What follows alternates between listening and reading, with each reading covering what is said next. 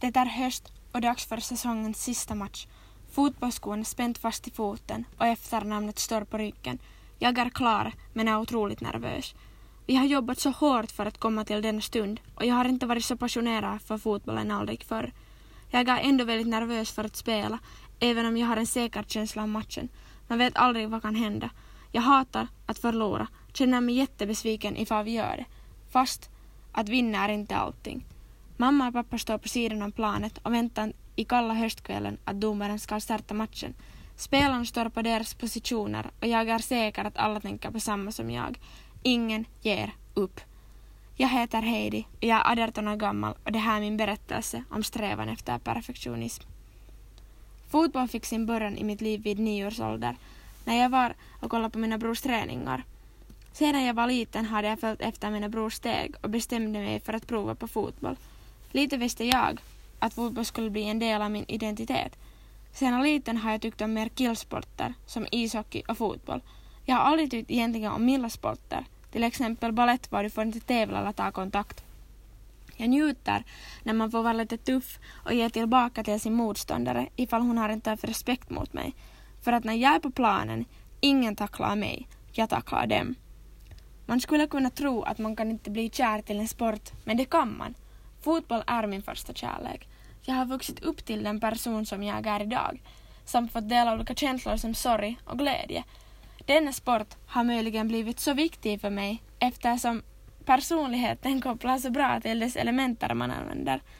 Jag har ett hett temperament, vilket gör att jag kan vara ibland lite för grov på planen, både fysiskt och verbalt. Sedan som nioåring var jag fysiskt grov, bara för att jag valde att vinna och göra vad som helst för att Idag har jag blivit mer grov verbalt och öppnar munnen lättare för domaren ifall det finns något som är inte rätt. Jag är också väldigt tävlingsinriktad och har svårt att sluta tänka på matchen efteråt ifall vi har förlorat. Mitt psyke ger ofta inte en paus eftersom jag analyserar varenda situation jag har varit med om under matchen. Jag funderar vad skulle jag kunna göra bättre, varför egentligen måste jag göra vad jag gjorde eller varför kunde jag inte kämpa hårdare. Småningom blir det ansträngande för ditt självförtroende och nästa match blir ännu svårare när man tänker på sina ord. Mina vänner kan, kan även beskriva mig som dramatisk, vilket kan vara nyttigt i fotboll om man kollar på Cristiano Ronaldo. Han vet vad dramatik betyder. Han är en otroligt bra spelare och kan förfalska en skada så att det skulle bli frispark. Jag är inte ännu på samma nivå så att domaren skulle tro på mig, men min vän är otroligt bra på det och gav oss skratt i tiderna för att slappna oss av. Under min karriär har jag spelat i fyra olika lag. Alla lag är viktiga på sitt eget sätt, men första laget är alltid det viktigaste. Jag började i Sibbovargarna och genom det fick jag vänner som jag senare träffade i högstadiet och en tränare som jag aldrig kommer att glömma. Tränaren blir ofta en viktig person i ditt liv eftersom du spenderar så mycket tid med honom och det lär känna dina styrkor samt svagheter. Min tränare Niklas blev som en till pappa under de sex åren jag spelade i Sibbo. Nicke som vi kallar honom, har en dotter som spelade i samma lag med mig. Vi ofta hängde hos dem och lekte många timmar före Nicke kallade oss till ner till matbordet vad vi kunde tala om till exempel kvällens Arsenal-match. Han är alltså väldigt stor anhängare av Arsenal FC och jag ofta skämtade med honom att jag hejade på dem bara för att jag skulle få mer speltid. Tillsammans med fotboll kommer också en hel del perfektionism vilket gör njutande ofta svårt. Det känns bra att få klä sig till sin spelskjorta och se mina vänner, men genast när visselpipan blåses rasar det en hel del press på dina axlar och du har svårt att springa utan att övertänka. Det är svårt att säga varför jag egentligen har blivit så självkritisk. Jag tror att med fotboll har perfektionismen påverkat livet utanför, som i skolan och livet. I Olof Rolanders sommarprat 2018 berättar han istället för att satsa på att vara bäst i allt bör man sänka ribban och sträva för good enough. Samt att när han vann priset för årets talare kunde han inte vara nöjd och glad över sina prestationer utan tänka att det var inte så speciellt. Ibland tänker jag ärligt att perfektionism skulle ses som en form av sjukdom. Jag känner att jag måste vara bra i skolan, livet, hobbyn för att känna mig värd. Med perfektionism påverkar det också ditt självförtroende en hel del och har orsakat hälsoproblem i ungdomen. Med tid har jag lärt mig att förstå när man måste lyssna på sin kropp och jobba med ditt självförtroende. Mina föräldrar har aldrig krävt av mig att sikta på toppnivå i skola eller i min hobby.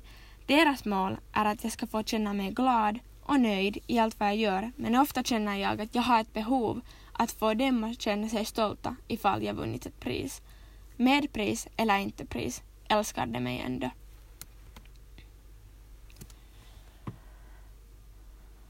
Pappa har varit otroligt viktigt stöd under min resa och jag har inte alltid visat tillräckligt med, med tacksamhet över hans jobb som han gör för mig. Han har varit där och tröstat mig när jag har varit absolut sönder och har orkat träna med mig på bakgården tills solen går ner. Mitt liv befann sig i en milstolpe när jag beslöt för att sluta fotboll i december 2017. Livet var hektiskt och jag var missnöjd. Jag spelade i Oggelby mellan år 2016 och 2017 där fick jag massor med nya vänner och kände mig omtyckt i ett nytt lag. Det ordnades läger och kvällar som spenderades med sina lagkamrater, långa bussresor var hörde skratt och matcher var man kunde smaka vinst. Tills allt ändrades mot det negativa efter att mitt lag fick en ny tränare. Det var skrämmande måste jag medge, men jag var tvungen att ge honom en chans.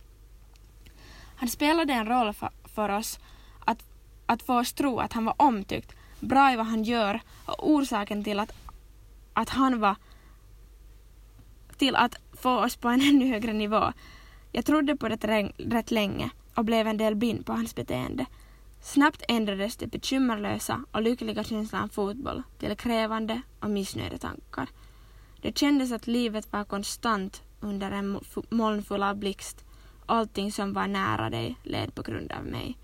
Min relation med min pappa blev svagare och vi började strida mycket lättare än förr eftersom jag hade ingen motivation att gå till träningarna för att jag klarade inte av att höra skrik och slå mig ner över mina ord som jag sa till mig själv.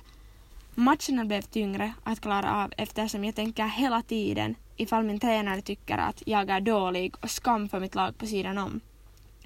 Var det underligt att trä min tränare sa det aldrig något förolämpande utan hans essens fick mig att tro att jag var inte tillräckligt bra denna tunga resan räckte ett år och för att hålla mig frisk och må bra i min kropp måste jag börja tänka på mitt eget välmående även om något jag älskar ska släppas. Det var november 2017 när jag äntligen beslöt mig att göra ett otroligt svårt val. Jag var på träningsläger i Erekkilä och hade en attityd som jag hade haft de senaste månaderna inför träningar. Jag hade redan i förväg tänkt ut. Efter detta läger kommer jag välja ifall det tar slut med fotboll min tränare visade sina äkta färger och jag beslöt mig, nu är det slut. Han visade egenskaper som han hade visat redan senaste året, men som sagt, jag var blind. Jag märkte av hans beteende på lägret att jag var inte en prioritet till honom, vilket fick mig att förstå att det här är över, jag förtjänar mycket bättre.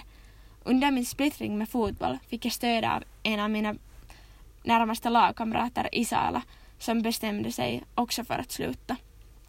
Allting kändes lättare när jag visste att jag, hade, jag var inte ensam med min situation.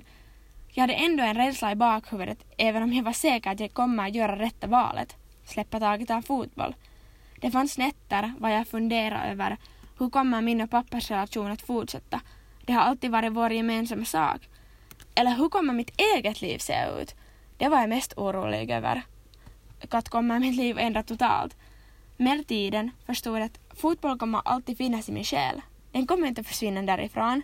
Mitt förra lag och min tränare var en lärorik erfarenhet och ett bra exempel av att man måste ibland lyssna på sitt hjärta och våga göra en ändring ifall det kan ta ont.